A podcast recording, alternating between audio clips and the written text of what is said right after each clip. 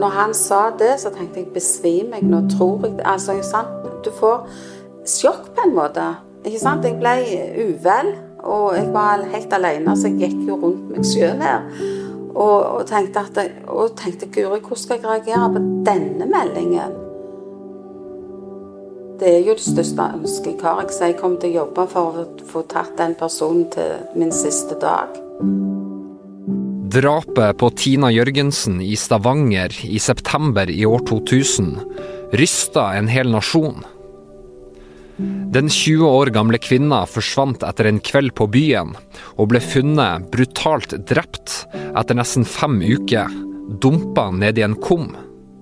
I starten av september skjedde det som slo ned som ei bombe, en mann i 50-årene ble pågrepet, sikta for drapet på 17 år gamle Birgitte Tengs på Karmøy i 1995, og mistenkt for drapet på Tina Jørgensen. Mannen nekter for å ha noe med drapene å gjøre. For første gang snakker mora til Tina ut offentlig etter denne pågripelsen. Hvordan var dagene før og etter dattera forsvant? Og hva tenker hun om at en mann nå er mistenkt? Dette er Krimpodden, og jeg heter Håvard Christoffersen Hansen.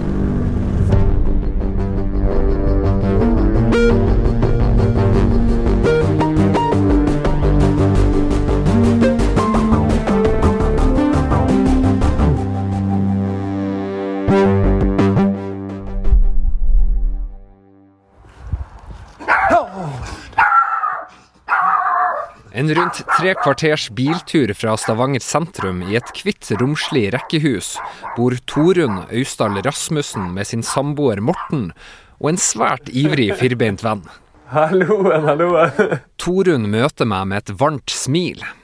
Hun har halvlangt blondt hår og markant rød leppestift, og har på seg en mørkeblå, blomstrete bluse. Jeg er veldig glad i dyr, altså, så må ikke være redd for å sann, Du, hvis du byr på det, så gjerne det, altså. Rundt beina hennes tasser altså Dennis, den hvite, beige lille hunden som er en blanding av tibetansk spaniel og pomeranian, har en helt spesiell plass her i huset. Hei sann, hei. Han skal passe på hun mor, ja. ja. Han heter Dennis. Han heter Dennis. Hvor fin han var. Vestlandet viser seg fra sin beste side denne oktoberdagen. Kveldssola skinner sterkt, og det er varmt i lufta. Det var da også den dagen dattera hennes, Tina Jørgensen, forsvant for 21 år siden. La oss først gå tilbake til lørdag 24.9. i år 2000. Da våkna siddisene opp forventningsfull. Mange sørlendinger hadde inntatt Vestlandet. Viking skulle nemlig spille semifinale i cupen mot Start på Stavanger stadion. Det ble sagt at det var en såkalt Indian summer denne helga. Varmt, vindstille, og alt lå til rette for en hyggelig helaften denne lørdagen i oljebyen. Tina var også klar for helga, og hadde dagen i forveien vært hos frisøren. Ja, hun hadde vært og strekt ut krøllene. Ja. Så hun hadde glatt, langt hår og kusk. Og det siste bildet jeg har av henne på netthinnet, er når vi kjører ut fra gården på Forus, der så min sønn bor da. Og Tina satt og klapte på Vicky på hunden. Og så i den en rød jakke, og så med det lange, glatte håret. Så tenkte jeg gud, jeg er heldig som har den flotte jenta. Det er liksom det siste jeg husker at jeg så og tenkte. På denne lørdagen dro Tina sammen med kjæresten på et vorspiel til noen venner. Her var stemninga god, og senere på kvelden spaserte de to sammen med en annen kompis til sentrum. Her dro de på et utested som het Jenks. Der oppstod det en krangel mellom Tina og kjæresten. Denne krangelen, noen barnåler, i tillegg til at politiet stussa på forklaringa hans, var hovedgrunnen til at politiet mistenkte han for å stå bak drapet på Tina, og 13 måneder etter forsvinninga ble han sikta. Jeg syns jo det er litt sårt. At de har vært så bestemte og så liksom overbeviste. Det har såra meg noe helt vanvittig. hver dag, fra dag én så har jeg sagt det ikke er han. Han kunne ikke ta livet av ei flue, så han hadde i alle fall ikke tatt livet av huset han satte høyest i denne verden. Kjæresten satt i varetekt i to måneder, og i desember i 2002 ble siktelsen henlagt av Riksadvokaten. Helt forferdelig. Det er Det er helt utilgivelig, syns jeg, det som de har gjort imot han da. Men de sier jo at de har gjort det de syns var riktig. Men sånn er det jo. De, altså, det er jo sånne etater og sånne vesen som jeg sier. De kan ikke be om unnskyldning for noe. Det vet de ikke hva jeg er. I februar i 2005 fikk han i Stavanger tingrett 50 000 kroner i oppreisning og 138 500 kroner i erstatning for det økonomiske tapet han ble påført som følge av siktelsen. Kjæresten sin forsvarer Atle Helgesen sier til VG at siktelsen av mannen ble tatt ut på et uholdbart grunnlag, og han mener at politiet sitt arbeid ble konsentrert om å underbygge siktelsen, mens andre alternativer ble ignorert. Han mener også at politiet sine uttalelser etter at siktelsen frafalt, var ødeleggende for kjæresten sitt rykte og ei mulig oppklaring av saken. Sør-Vest politidistrikt sier at den nye etterforskninga i saken ble iverksatt etter konkrete anbefalinger fra Kripos i cold case-gruppe, og etter deres gjennomgang. Kripos anbefalte da politidistriktet å starte ei ny etterforskning i et begrensa omfang, og det har også vært politiet sitt fokus. De sier videre at dette betyr at den pågående etterforskninga ikke inkluderer en full gjennomgang av saken, og nettopp derfor har ikke den nåværende etterforskningsledelsen grunnlag for å kommentere arbeidet som er blitt gjort tidligere. Etter å ha forlatt utestedet Yanks, går kjæresten og Tina hver til sitt. Kjæresten forteller politiet senere at det siste han ser av Tina, er at hun forsvinner inn i folkemengden i byen. Klokka halv to mener et vitne å ha sett Tina i prat med en mann utafor Burger King, en mann som aldri har blitt identifisert. Men hva skjer med Tina etter dette? Ved bybrua i Stavanger er det noen som observerer det som mest sannsynlig er Tina gående hjemover. En taxisjåfør ser også ei kvinne som ligner på Tina like ved Grasholmen der hun bodde. Like over klokka to på natta hører flere naboer det de mener er et kvinneskrik. Mora er på dette tidspunktet i et bryllup i Bergen, og dagen etter får hun beskjeden om at dattera er borte. Det, altså, jeg eh, Kan jo si Jeg reagerte vel ganske rasjonelt med å tenke på hva jeg måtte gjøre, hva jeg måtte foreta meg, og hva andre rundt meg måtte gjøre. Sånn at jeg, jeg klarte ikke å sette meg ned og, og tenke at det noe tragisk, for jeg trodde jo ikke hun var drept. Mm. Og jeg ringte og ringte og ringte, og telefonen var jo død. Så egentlig så kjente jeg nok på at det var noe galt ganske tidlig. Jeg gjorde det. Ja. Jeg var overbevist om at noen hadde kidnappet henne. Jeg trodde faktisk ikke at hun var drept. Tida etter at Tina forsvant, går til å lete. Var ute og lette. Jeg var jo ikke med hver dag, jeg. Min mann de, Det ble jo oppretta ei letegruppe. De var jo ganske mange rundt forbi. Og jeg var med på noen av de leteaksjonene. Det var jeg, men, men eh, Og jeg har sjøl lufta på kummerlåg mm. når jeg har vært ute og lett. Så Men eh, Jeg husker jeg hadde ikke tid til å ha folk hadde ikke tid. Det var liksom bare det å lete etter Tina.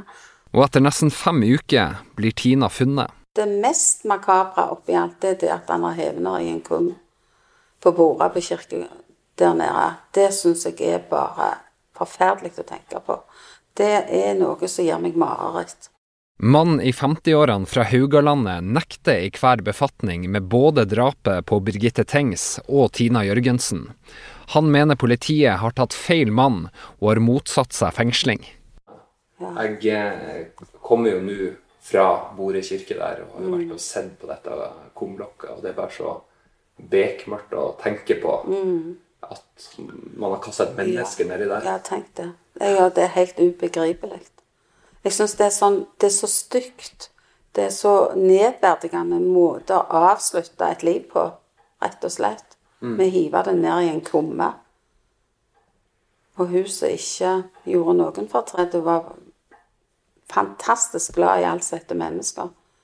Alt, alle var like gode, så Tina var delvis pakka inn i en hvit industrisekk. Det ble i obduksjonsrapporten konkludert med at hun ble slått i hjel.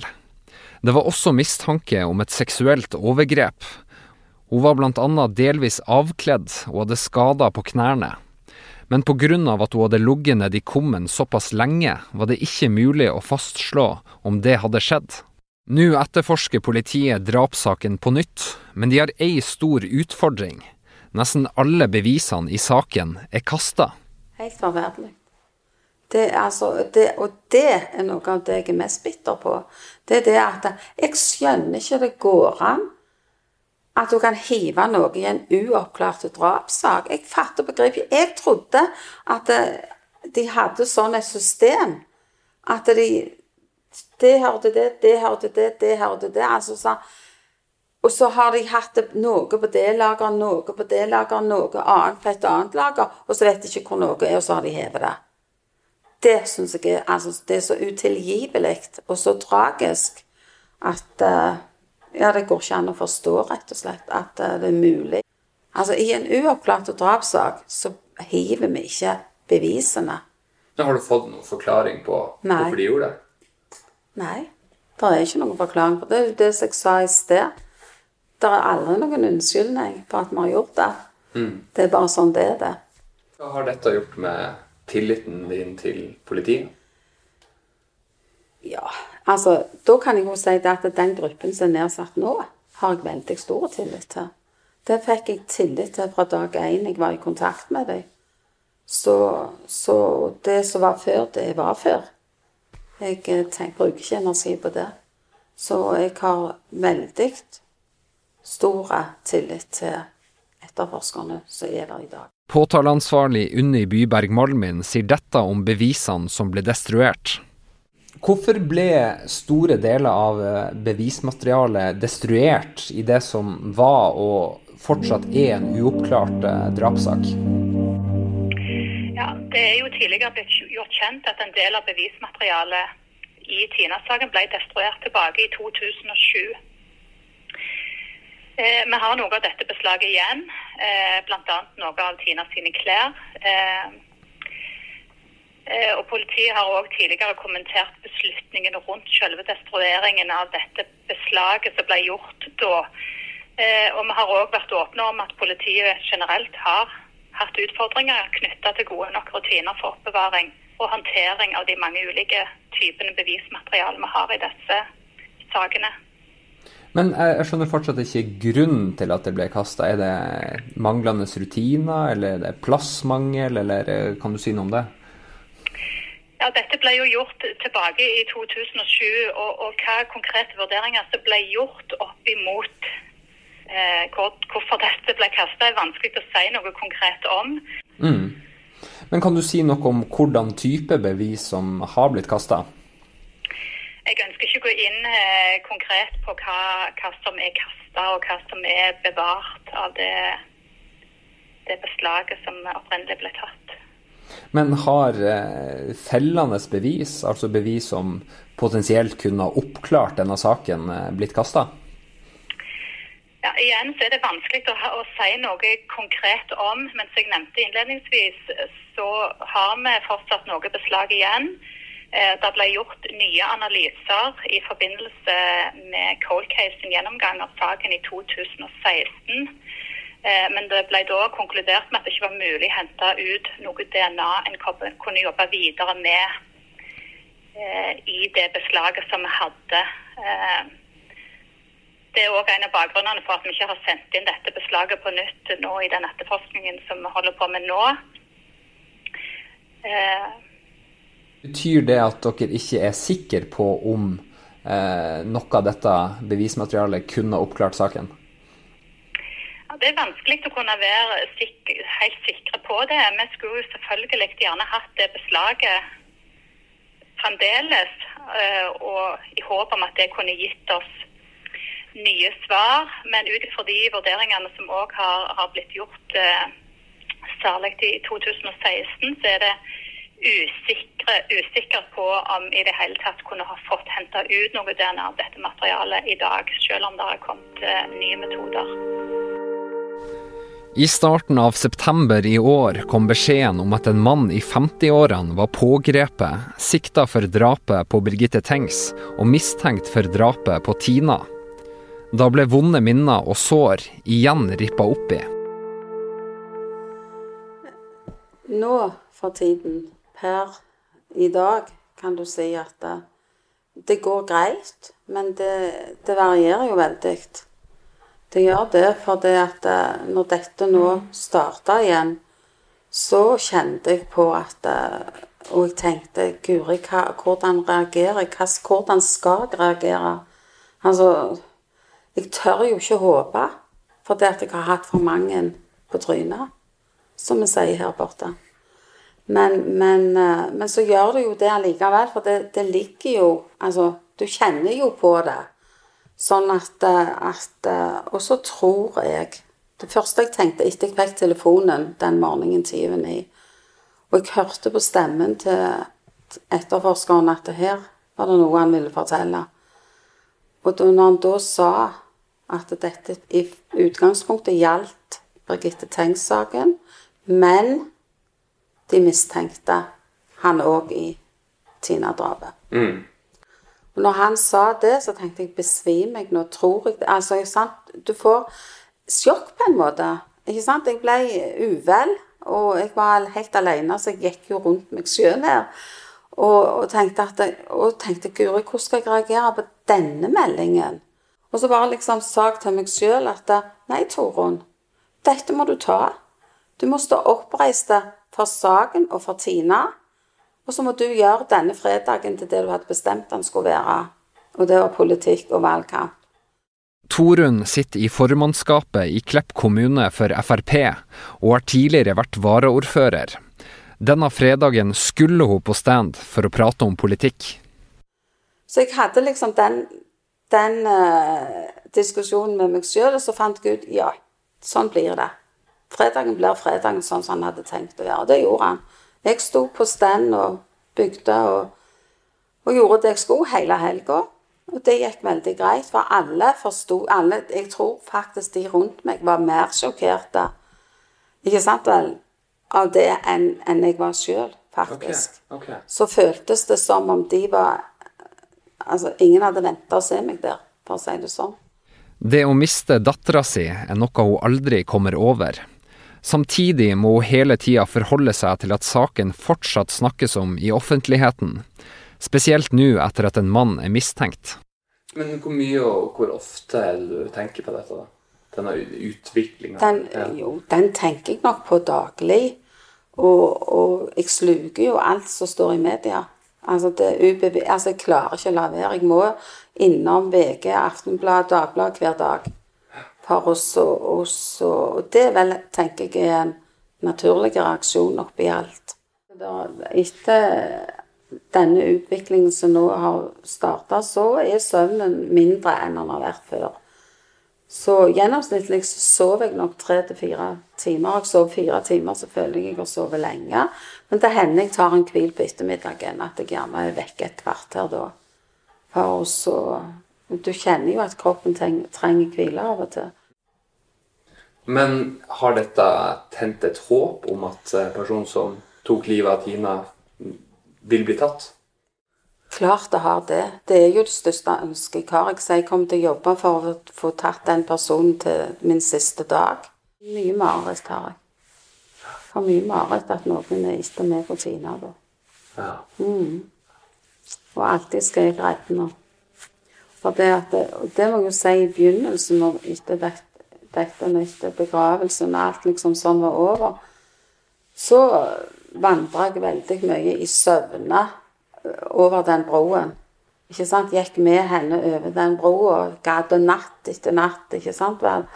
Hvor du liksom, og så jeg tenkte Hvorfor ringte du ikke? Hvorfor snakket du ikke i telefonen? Eller Altså masse sånne ting.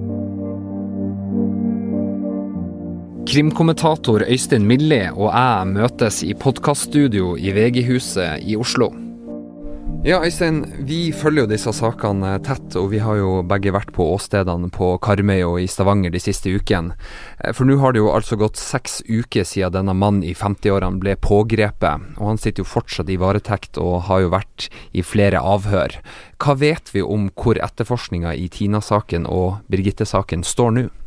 Politiet etterforsker jo for fullt, eh, og er jo inne i en ny fase nå. Eh, det er alltid sånn at man kan gjøre en del ting før man pågriper noen, og så vil det uansett om man har holdt på i ett, to, tre, eller i dette tilfellet fire år, eh, være sånn at det er en del oppgaver som man er nødt til å vente med til man har pågrepet noen. Og det er jo det som pågår nå. Det er typisk da ting som er retta mot denne mannen.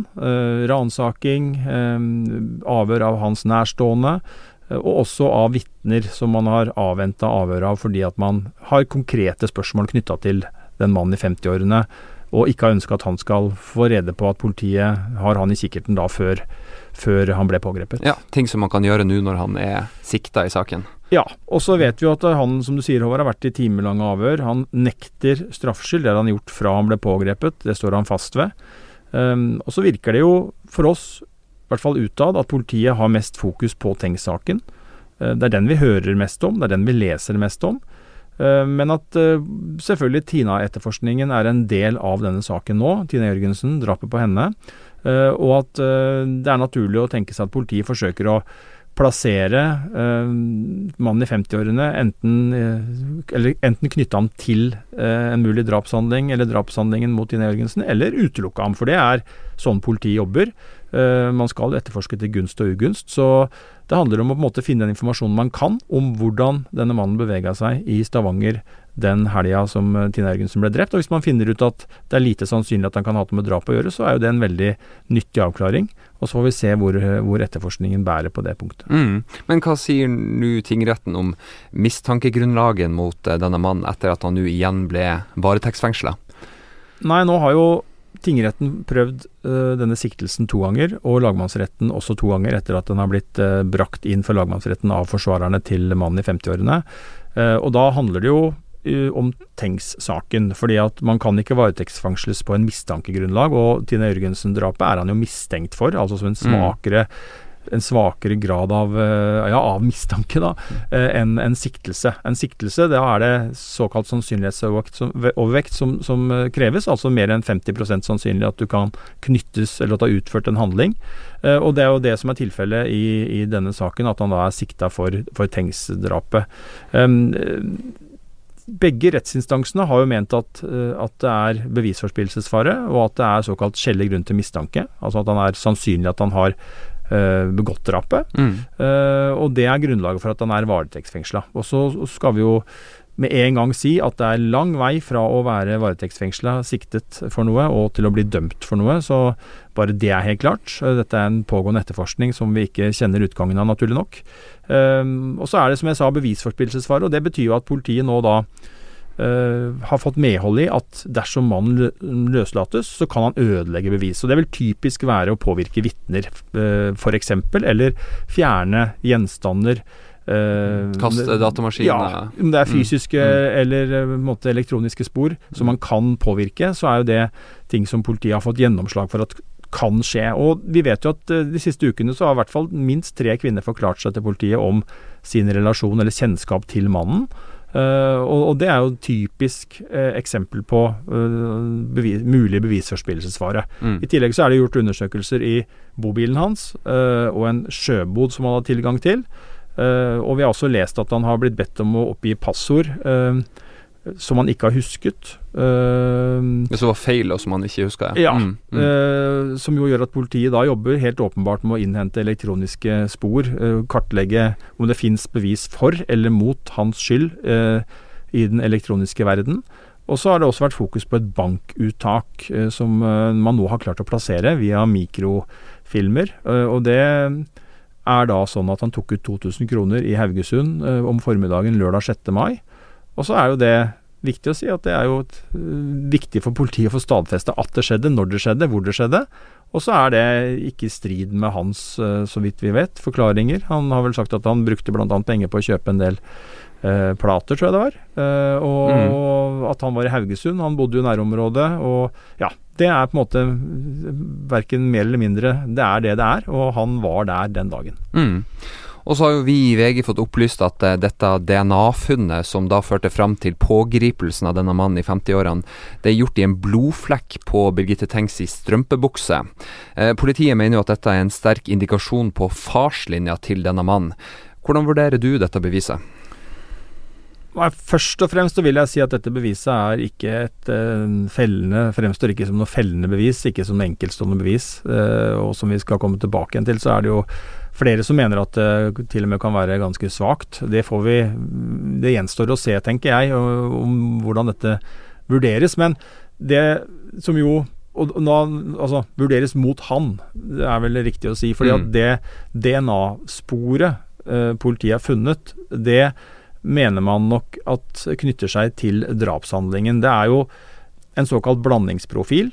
Uh, og det handler om at man har funnet en blodflekk fra Birgitte Tengs. Uh, og i den blodflekken så har man funnet DNA-innslag fra det man da mener er en mann, og som politiet mener sannsynligvis er den mannen i 50-årene. da. Så får vi se hvordan det ender, om det er grunn til å fastslå det eller ikke. Men poenget er at man mener jo at det er et DNA fra en ukjent person i denne blodflekken. og Det betyr at det er avsatt, som politiet ser det, samtidig som Birgitte Tengs blødde.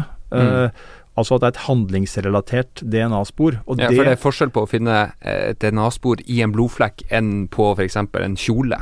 Ja. Mm. Kan tenke deg hvis du hadde uh, eh, klappa meg på skuldra nå, jeg hadde gått ut og hadde hatt DNA fra deg uh, på skuldra mi, og så hadde jeg blitt uh, slått ned på gata her, eh, og man hadde funnet blodet fra meg eh, og et DNA-spor fra en gjerningsperson, så, så ville jo selvfølgelig den siste ha vært mye mer Naturlig nok, da, så ville jo det ha knytta det til, til voldshandlinger. Mm, mens mm. du hadde jo vært uskyldig, selvfølgelig. Så, så, det der er en veldig stor forskjell.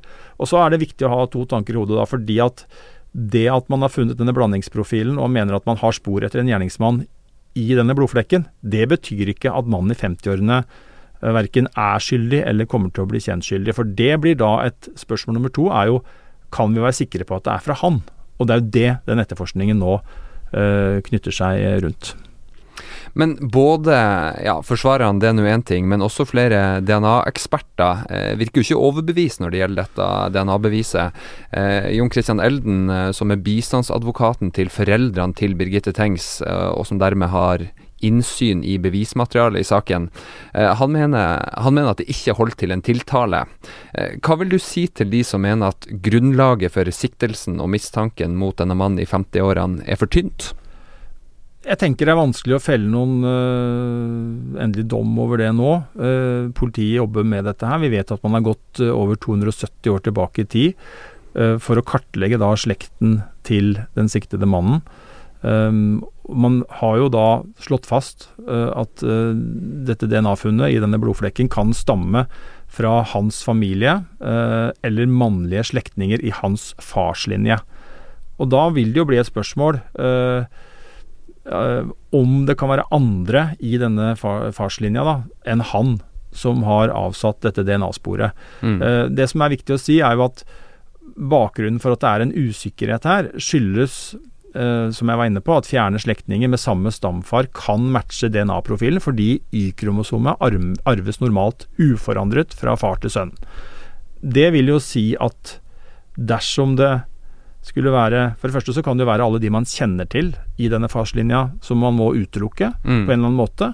Eh, og så vil man jo være tema fra i hvert fall en forsvarer og si at kan vi være sikre på at det ikke finnes noen ukjente barn opp igjennom eller bakover denne farslinja. Ja, men Det altså, kan man jo ikke utelukke. Nei, det er jo sånn Det vet vi jo fra historien at det er en del som har enten fedre vi ikke kjenner til, eller fedre som man har trodd at er en far, og så er det en annen mm. som faktisk er faren. Så det, det må man jo ta inn over seg. Det blir jo svært viktig da, i en sånn sammenheng hvor, hvor man uh, går på dette med farslinje og DNA-bevis. Uh, og Så skal vi også legge til at politiet argumenterer jo med at det er en svært avgrensa farslinje, eller slektslinje, uh, i nærområdet, altså Haugalandet, Karmøy, på det tidspunktet Birgitte Tengs ble drept, og anfører jo da at det eh, styrker muligheten for at det er denne mannen i 50-årene som er eh, en mulig gjerningsmann. Mm. Så vi har ikke den fulle oversikta over bevisbildet, naturlig nok.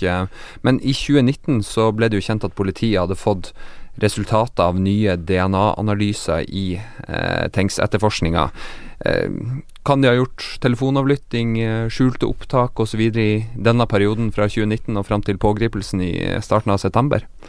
Ja, Forsvarerne til denne mannen i 50-årene de legger jo nærmest det til grunn at det har skjedd. Eh, og så har jo ikke politiet bekrefta det, men vel nærmest uh, avfeid det med at det er en slags spekulasjon. Uh, men, men, det kan godt hende de har gjort. Og så er spørsmålet om det har gitt noe. det vet vi jo ikke. Og det er jo sånn at politiet kan for det første jobbe med ting som ikke er ferdigstilt, og som dermed ikke er har tilflytt forsvarerne. Man kan sitte med andre ting som man av ulike grunner ikke har eh, på en måte flagga enda. Og så jobber jo politiet for det tredje med eh, å etterforske saken nå i en ny fase, med, ny, med mange etterforskningsskritt som de ikke kan ha, kan ha gjort før nå. Mm. Så, så, her er det veldig mange ubesvarte spørsmål. Uh, det vi kan oppsummere med, er at saken som den står nå, så er det helt åpenbart at flere mener at bevisgrunnlaget ikke holder til en dom, uh, som du var inne på, bl.a. Med, med Elden. Men, men, vi får jo vente og se. Det er en sak som er under etterforskning, og det blir svært uh, interessant å følge denne videre nå og se hvor det, hvor det bærer.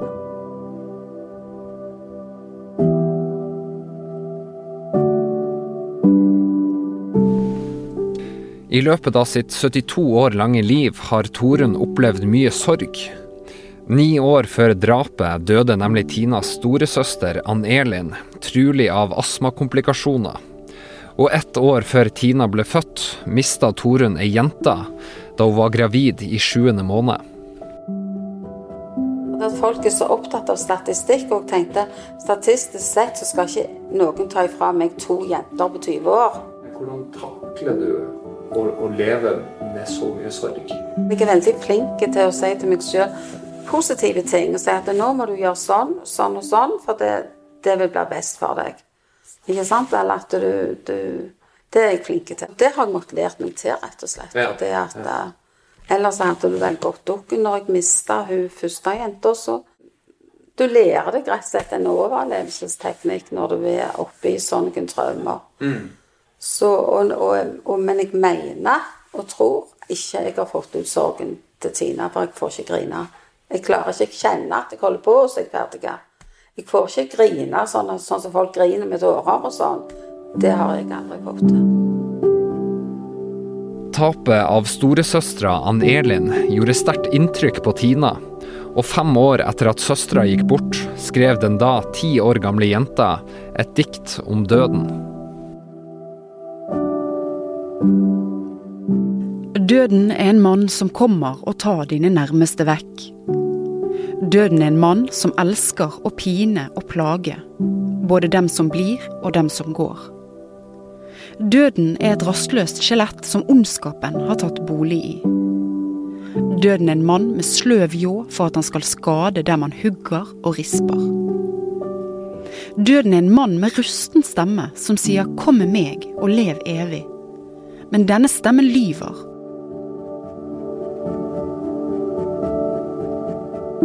Døden er en mann som skaper tårer og hat. Døden er en mann som etterlater seg ødeleggelser og tomhet.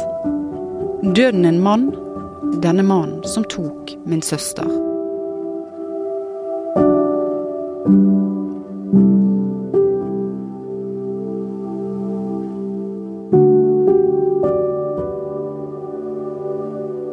Jeg fant det jo under hodeputen hans. Så, så Det viser jo egentlig hvordan hun kunne tenke. Ikke sant? Vel, hvor voksen hun var i sine tankegang, tenker jeg. Og kunne se på døden. Og Men jeg har ikke Nei, jeg vet ikke. At en tiåring kunne reflektere såpass mye imponerte meg litt. Ja. ja, det gjorde det. Så, men hun var jo Tina var jo veldig grublende selv om hun var glad og fjog, alt dette, så, så, kunne hun komme og, og hadde ting som hun grubla på. Dette bildet ble tatt av Tina til sertifikatet når hun var 19 år gammel. Så det er det bildet som ble levert inn til politiet når hun ble meldt savna. Mm. Mm. Ser ut som ei blid jente. Ja, du kan se hun er blid. Ja. Hun, hun, var ei blid jente. Hun var det. Og her er hun blitt tante. Og det var stort, vet du. Ja da. Og der er hun på hytta. Og der er Julius, som vi kjøpte i Dyreparken. Og han var med alle veier. Enten vi reiste med fly eller båt, eller hva vi reiste med, så var Julius med. Oh, ja. Ja. Dette er tatt rett før hun ble drept. Der er hun på tur på Dalsnuten. Ja. Det er siste julen. Den kjolen har jeg. Ja, Det husker så, jeg også, det bildet der. Ja, mm. så det, jul er ikke det samme lenger. For det var liksom meg og Tina sin. Det var Vi pynta, vi koste oss med jul. Men det gjør vi jeg ikke lenger. Det er ikke sånn det var.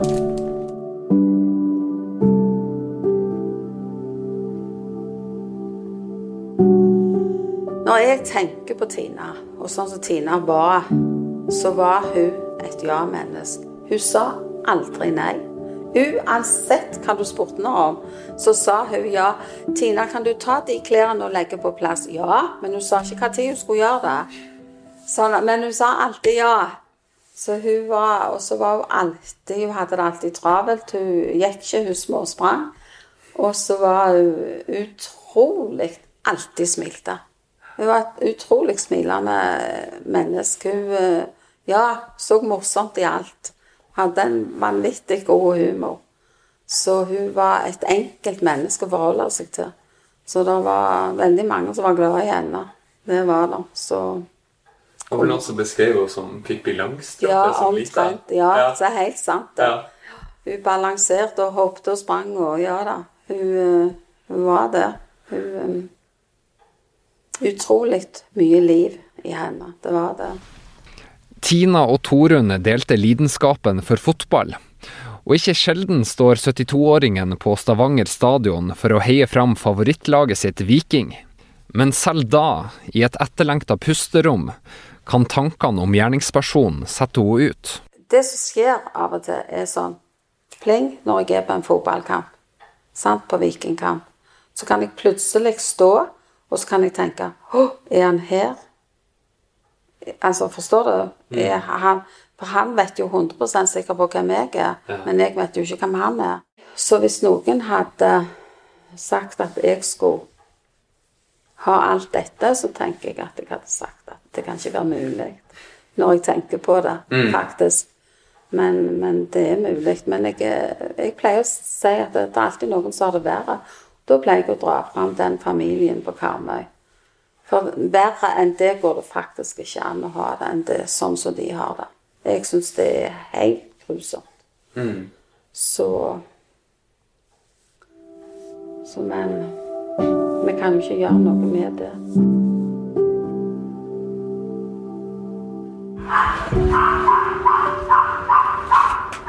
Han fikk jeg faktisk eh, for tre år siden, 24.9., på drapsdagen, for at den skulle bli litt ja. positiv. Så jeg valgte å få han den dagen.